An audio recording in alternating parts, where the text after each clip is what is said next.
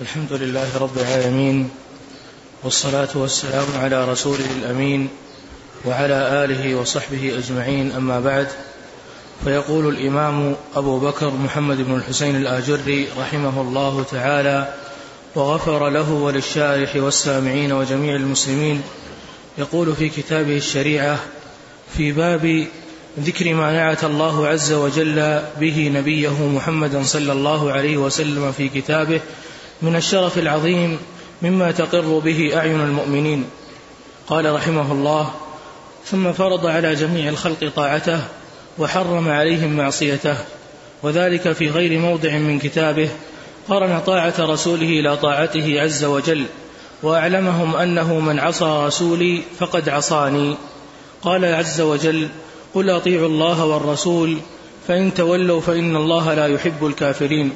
وقال عز وجل واتقوا النار التي أعدت للكافرين وأطيعوا الله والرسول لعلكم ترحمون. وقال عز وجل تلك حدود الله ومن يطع الله ورسوله يدخله جنات تجري من تحتها الأنهار خالدين فيها وذلك الفوز العظيم. ومن يعص الله ورسوله ويتعد حدوده يدخله نارا خالدا فيها وله عذاب مهين. وقال تعالى يا أيها الذين آمنوا أطيعوا الله وأطيعوا الرسول وأولي الأمر منكم فإن تنازعتم في شيء فردوه إلى الله والرسول إن كنتم تؤمنون بالله واليوم الآخر ذلك خير وأحسن تأويلا. وقال عز وجل يا أيها الذين آمنوا أطيعوا الله ورسوله ولا تولوا عنه وأنتم تسمعون. وقال عز وجل يا أيها الذين آمنوا أطيعوا الله وأطيعوا الرسول ولا تبطلوا أعمالكم. وقال عز وجل من يطع, من يطع الرسول فقد أطاع الله. قال محمد بن الحسين رحمه الله وهذا في القرآن كثير في نيف وثلاثين موضعا أوجب الله طاعة رسوله صلى الله عليه وسلم وقرنها مع طاعته عز وجل. نعم. بسم الله الرحمن الرحيم. الحمد لله رب العالمين وأشهد أن لا إله إلا الله وحده لا شريك له وأشهد أن محمدا عبده ورسوله صلى الله وسلم عليه وعلى آله وأصحابه أجمعين. اللهم علمنا ما ينفعنا وانفعنا بما علمتنا وزدنا علما وأصلح لنا إلهنا شأننا كله. ولا تكلنا إلى أنفسنا طرفة عين. أما بعد لا نزال في هذا الباب الذي خصه المصنف رحمه الله تعالى لبيان نعوت النبي صلى الله عليه وسلم التي ذكرها الله سبحانه وتعالى في القرآن الكريم. وفيها الدلالة على عظيم شرف النبي عليه الصلاة والسلام وعلي قدره صلوات الله وسلامه عليه.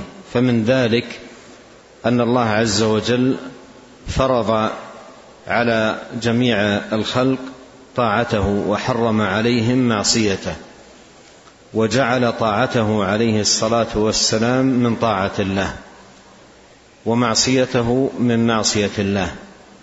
من يطع الرسول فقد أطاع الله. فطاعة الرسول عليه الصلاة والسلام طاعة لله ومعصية الرسول عليه الصلاة والسلام معصية لله. وهذا أمر واضح لأن الرسول مهمته إبلاغ كلام من أرسله وما على الرسول إلا البلاغ. فمهمة الرسول إبلاغ كلام المرسل. فمن كذب المرسل فهو مكذب للمرسل. لأن الرسول لا يأتي بشيء من قبل نفسه وإنما يبلغ كلام من أرسله فمن يكذب بالرسول هو مكذب بالله ومن يعص الرسول فهو عاص لله ومن يطع الرسول عليه الصلاة والسلام فإنه مطيع لله سبحانه وتعالى. وساق رحمه الله تعالى آيات كثيرة في القرآن. قرن الله فيها طاعة الرسول بطاعته سبحانه وتعالى. وهذا من الدلائل على عظيم شرفه. عليه الصلاة والسلام أن رب العالمين وخالق الخلق أجمعين قرن طاعة هذا الرسول الكريم عليه الصلاة والسلام بطاعته سبحانه جل في علاه. ولا شك أن هذا من الدلائل على عظيم قدر النبي صلى الله عليه وسلم وعلي منزلته. والله جل وعلا يقول وما أرسلنا من رسول إلا ليطاع بإذن الله. إلا ليطاع بإذن الله. فطاعة الرسول واجبة وهي التي لأجلها أرسل الرسل أرسلوا ليطاعوا وتمتثل أوامرهم وتصدق أخبارهم وينتهى عما نهوا عنه.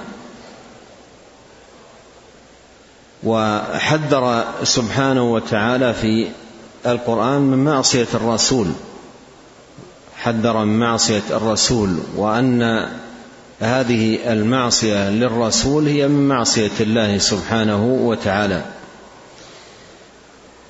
قال بعد أن ساق عددا من الآيات قال هذا في القرآن كثير في نيف وثلاثين موضعا أكثر من ثلاثين موضع يقرن فيها الله سبحانه وتعالى بين طاعته وطاعة رسوله صلى الله عليه وسلم. نعم. قال محمد بن الحسين رحمه الله وهذا في القرآن كثير. ثم ثم حذر. قال رحمه الله ثم حذر خلقه مخالفة رسوله صلى الله عليه وسلم وألا يجعلوا أمر نبيه صلى الله عليه وسلم إذا أمرهم بشيء أو نهاهم عن شيء ثم ثم حذر رسوله ما قبلها يظهر لي لا يصلح أن يكون فاصلة وإنما ما قبلها نقطة وسطر جديد. نعم.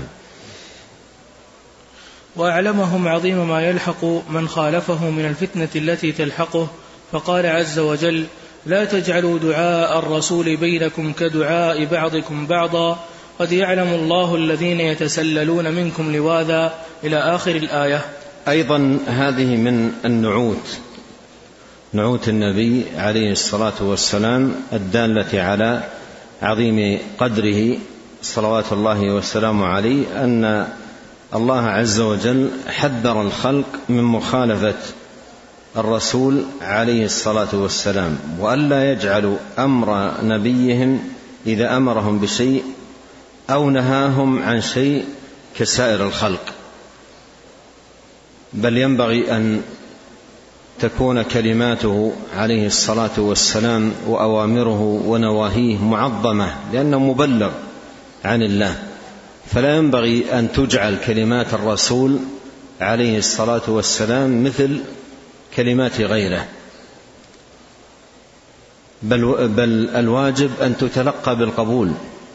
مثل ما قال الإمام الزهري رحمه الله من, من الله الرسالة وعلى الرسول البلاغ وعلينا التسليم. هذا الواجب على المسلم. لا أن تجعل أوامر الرسول عليه الصلاة والسلام أوامر غيره. في بعض مجالس الجهال و الضلال والسفهاء. إذا ذكر قول الرسول عليه الصلاة والسلام لا يقابل بالتعظيم بل يكون كلامه مثل كلام غيره. ولهذا تجد بعض الناس والعياذ بالله يتجرأ في رد أحاديث الرسول عليه الصلاة والسلام والاعتراض عليها والانتقاد وتجده إذا أورد له الحديث قال لما مثلا معترضا أو أو بعضهم يقول هذا لا يقبل العقل أو أو نحو ذلك من الاعتراضات والانتقادات الدالة على عدم معرفة بقدر الرسول عليه الصلاة والسلام. فيقول المصنف رحمه الله تعالى أن الله عز وجل حذر الخلق من مخالفة رسوله عليه الصلاة والسلام وألا يجعلوا أمر نبيهم عليه الصلاة والسلام إذا أمرهم بشيء أو نهاهم عن شيء كسائر الخلق. وأعلمهم عظيم ما يلحق من خالفه من الفتنة التي تلحقه. فقال عز وجل لا تجعلوا لا تجعلوا دعاء الرسول بينكم كدعاء بعضكم بعضا. قد يعلم الله الذين يتسللون منكم لوادا فليحذر الذين يخالفون عن أمره. أن تصيبهم فتنة أو يصيبهم عذاب أليم.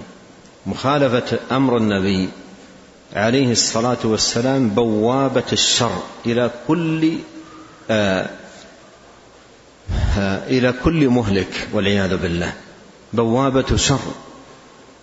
ولهذا لا لا يجوز للمسلم أن يستهين بأي أمر من أوامر الرسول عليه الصلاة والسلام. وألا يوجد في نفسه جرأة على الانتقاد أو الاعتراض على أحاديث الرسول عليه الصلاة والسلام لأن أحاديثه واوامره معظمة.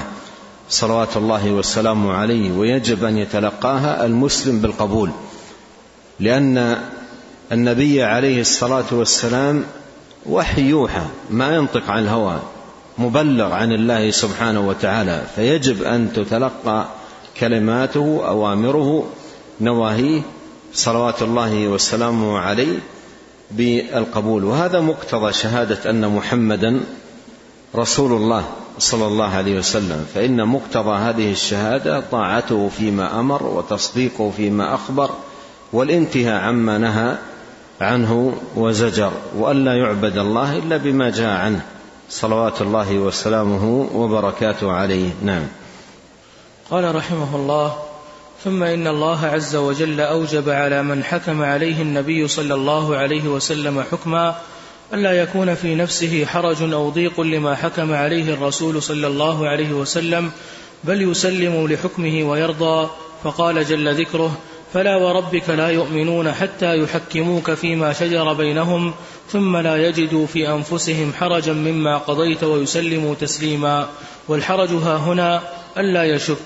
نعم هذه ثلاثة أمور ذكرها الله سبحانه وتعالى في هذا السياق المبارك دالة أيضا على عظيم قدر النبي عليه الصلاة والسلام ووجوب تعظيم حكمه وما جاء عنه. صلوات الله وسلامه عليه. قال الله جل وعلا فلا وربك لا يؤمنون حتى يحكموك فيما شجر بينهم. ثم لا يجدوا في أنفسهم حرجا مما قضيت ويسلموا تسليما. أمور ثلاثة. الأمر الأول تحكيم النبي. تحكيم النبي صلى الله عليه وسلم في فيما شجر بينهم. فيكون الحكم له عليه الصلاة والسلام. والأمر الثاني مع هذا التحكيم ألا يجد كل من الطرفين أي حرج. في حكمه عليه الصلاة والسلام.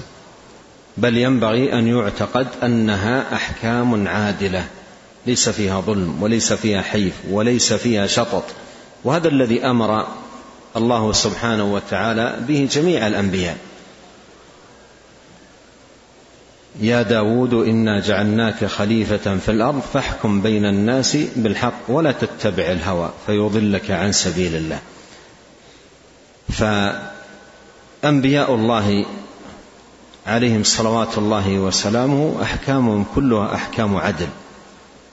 والواجب أن تتلقى هذه الأحكام أولا بأن يكون التحاكم إليه عليه الصلاة والسلام لا إلى غيره ثم مع هذا التحاكم إليه عليه الصلاة والسلام ألا يجد المرء في نفسه أي حرج أي حرج أي أي شك كما قال المصنف أو ارتياب. والأمر الثالث أن يسلم تسليما أي تاما. أن يسلم تسليما تاما فهذا من الإيمان. بل لا يكون المرء مؤمنا الإيمان الذي أوجبه الله عليه حتى يكون بهذا الوصف. ومن لم يكن كذلك فهذا أمارة خلل في إيمانه. نعم. قال رحمه الله ثم إن الله عز وجل أثنى على من رضي بما حكم له النبي صلى الله عليه وسلم وحكم عليه ورضي بما أعطاه من من الغنيمة من قليل أو كثير وذم من لم يرضى فقال عز وجل ولو أنهم رضوا ما آتاهم الله ورسوله وقالوا حسبنا الله سيؤتينا الله من فضله ورسوله إنا إلى الله راغبون. أيضا هذا من الأمور التي ذكرها أو النعوت التي ذكرها الله سبحانه وتعالى في القرآن الدالة على عظيم شأن النبي عليه الصلاة والسلام. قال أن الله أثنى على من رضي بما حكم له النبي أو حكم عليه ورضي بما أعطاه من الغنيمة من قليل أو كثير وذم من لم يرغب وهذا جاء في آيات من كتاب الله سبحانه وتعالى. وأورد هنا قول الله عز وجل ولو أنهم رضوا ما آتاهم الله ورسوله وقالوا حسبنا الله سيؤتينا الله من فضله ورسوله إنا إلى الله راغبون. إذا لكان خيرا لهم لكان خيرا لهم وهذا هو الواجب الواجب الرضا بما جاء عن الرسول وأيضا قسم الرسول عليه الصلاة والسلام وأن وأنه عدل في قسمه صلوات الله وسلامه عليه. فهذا مما أوجبه الله سبحانه وتعالى على العباد تجاه هذا الرسول الكريم صلوات الله وسلامه عليه. قال ولو أنهم رضوا ما آتاهم الله ورسوله وقالوا حسبنا الله. وقالوا حسبنا الله. ومعنى حسبنا الله أي الله كافينا. وهذه الآية هذه الآية الكريمة تدل على أن هذه الكلمة كما أنها تقال في مقام دفع المرهوب فإنها أيضا تقال في مقام طلب المحبوب. فلها موطنان تقال فيهما. تقال هذه الكلمة في مقام الخوف ودفع ما يخشاه الإنسان ويخافه. الذين قال لهم الناس إن الناس قد جمعوا لكم فاخشوهم فزادهم إيمانا وقالوا حسبنا الله ونعم الوكيل. هذا في مقام دفع الأمر المخوف. وهذه الآية ولو أنهم رضوا ما آتاهم الله ورسوله وقالوا حسبنا الله سيؤتينا الله من فضله. هذا مقام طلب. هذا مقام طلب ليس مقام دفع شيء مخوف وإنما مقام طلب. فهي كلمة تقال في في مقامين مقام الخوف وطلب دفعه وأيضا تقال في مقام الشيء المحبوب في طلب جلبه. وجمع بين هذين المعنيين في قول هذه الكلمة حسبنا الله. جمع بين هذين المعنيين في قول الله عز وجل ولئن سألتهم من خلق السماوات والأرض ليقولن الله قل أفرأيتم ما تدعون من دون الله؟ إن أرادني الله بضر هل هن كاشفات ضره؟ أو أرادني برحمة هل هن ممسكات رحمته قل حسبي الله. قل حسبي الله أي في هذين المقامين. مقام طلب الرحمة ومقام دفع الضر. إن أرادني الله بضر هل هن كاشفات ضره؟ أو أرادني برحمة هل هن ممسكات رحمته؟ قل أي في المقامين حسبي الله.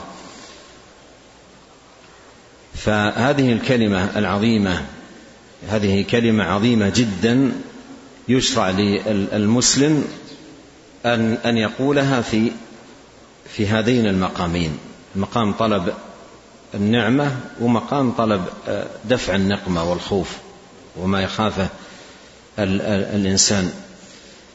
مما درج على ألسنة العوام كلمة إذا آذاهم أحد قالوا حسب حسبي حسبي الله عليه سمى فعلهم تحسب على فلان. قولهم حسبي الله عليه هذا التعبير لا أصل له وأيضا ليس له معنى مستقيم. لا أصل له وليس له معنى مستقيم. وفي دلالة على عدم فهم هذه الكلمة لأن هذه الكلمة فيها طلب الكفاية طلب الكفاية الحسب الكافي.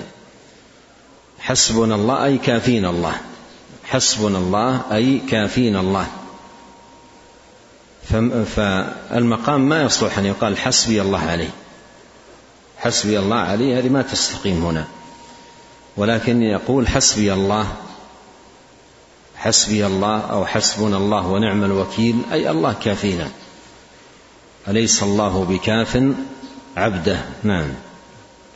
قال رحمه الله ثم إن الله عز وجل أخبرنا عن أهل النار إذا هم دخلوها كيف يتأسفون على ترك طاعتهم لله ولرسوله لما لم يطيعوا الله ورسوله فندموا حيث لم, حيث لم ينفعهم الندم وأسفوا حيث لم ينفعهم الأسف فقال جل ذكره يوم تقلب وجوههم في النار يقولون يا ليتنا أطعنا الله وأطعنا الرسول نعم هذه ندامة لا تنفع. ندامة وأسف وحسرة وألم. لا تنفع. لا لأنهم فرطوا. فرطوا في طاعة الرسول عليه الصلاة والسلام. فإذا باءوا بالعقوبة يوم القيامة ندموا أشد الندامة على عدم طاعتهم للرسول. وتمنوا لو أنهم أطاعوا الرسول. يا ليتنا أطعنا الله وأطعنا الرسول. لكن هذا التمني ما يفيدهم شيئا ولا ينفعهم. نعم. قال محمد بن الحسين رحمه الله ألا ترون رحمكم الله كيف شرف الله نبينا محمدا صلى الله عليه وسلم في كل حال يزيده شرفا إلى شرف في الدنيا والآخرة؟ ثم اعلموا يا أمة محمد يا مؤمنين أن الله عز وجل أوجب على جميع الخلق أن يعظموا قدر نبيه صلى الله عليه وسلم بالتوقير له والتعظيم. والا يرفعوا أصواتهم فوق صوته ولا يجهروا عليه في المخاطبة كجهر بعضهم لبعض بل يخفضوا أصواتهم عند صوته كل ذلك اجلالا له. وأعلمهم أن من خالف ما أمر به من التعظيم لرسولي أني أحبط عمله وهو لا يشعر فقال عز وجل وأعلمهم وأعلمهم أن من خالف ما أمر به من التعظيم لرسولي أني أحبط عمله وهو لا يشعر فقال عز وجل يا أيها الذين آمنوا لا تقدموا بين يدي الله ورسوله هكذا في النسخ واعلمهم أن الله واعلمهم أن من خالف وأعلمهم أن من خالف ما أمر به من التعب. ما أمر هكذا ولا فيه ها؟ ما أمر الله؟ نعم. وأعلمهم أنا عندي ما أمر به لكن إما أنه ما آمر به أو ما أمر الله به فما دام أن فيه نسخة ما أمر الله نعم. وأعلمهم, وأعلمهم أن من خالف ما أمر الله به من التعظيم لرسولي أني أحبط عمله وهو لا يشعر فقال عز وجل يا أيها الذين آمنوا لا تقدموا بين يدي الله ورسوله واتقوا الله إن الله سميع عليم. يا أيها الذين آمنوا لا ترفعوا أصواتكم فوق صوت النبي ولا تجهروا له بالقول كجهر بعضكم لبعض أن تحبط أعمالكم وأنتم لا تشعرون. ثم وعد جل نعم يعني هذا في في هذه السورة العظيمة سورة الحجرات سورة الآداب.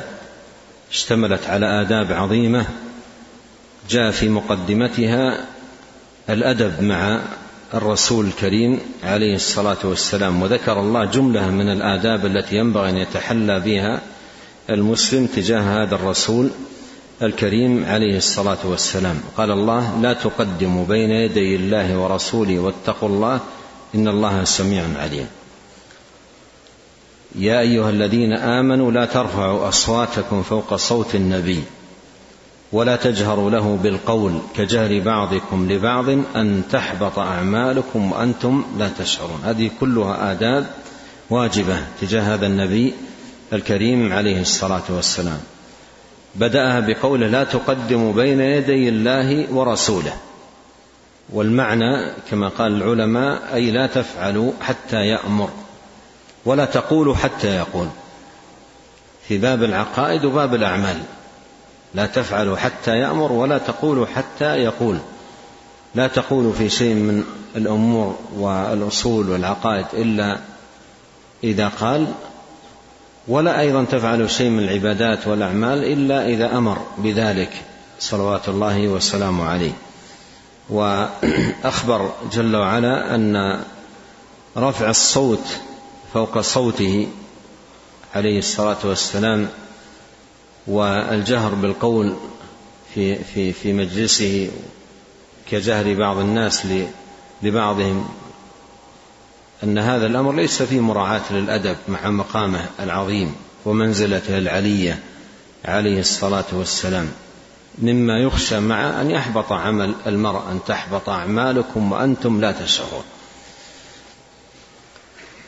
وهذا كله تنبيه على الأدب الواجب تجاه هذا الرسول الكريم صلوات الله وسلامه عليه.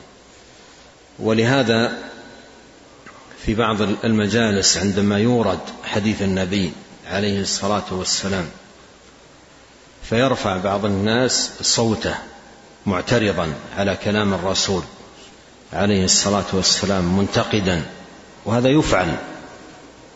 هذا هذا هذه الفعلة الشنيعه يخشى معها حبوط العمل وبطلانه والعياذ بالله. وهي وهي موجبات الزيغ زيغ القلب مثل ما مر معنا. فليحذر الذين يخالفون عن أمره أن تصيبهم فتنة أو يصيبهم عذاب أليم. نعم. قال رحمه الله ثم وعد. ثم وعد جل وعز من قبل من الله عز وجل ما أمر به في رسوله من خفض الصوت والوقار المغفرة مع الأجر العظيم. فقال جل ذكره إن الذين يغضون أصواتهم عند إن الذين يغضون أصواتهم عند رسول الله أولئك الذين امتحن الله قلوبهم للتقوى لهم مغفرة وأجر عظيم.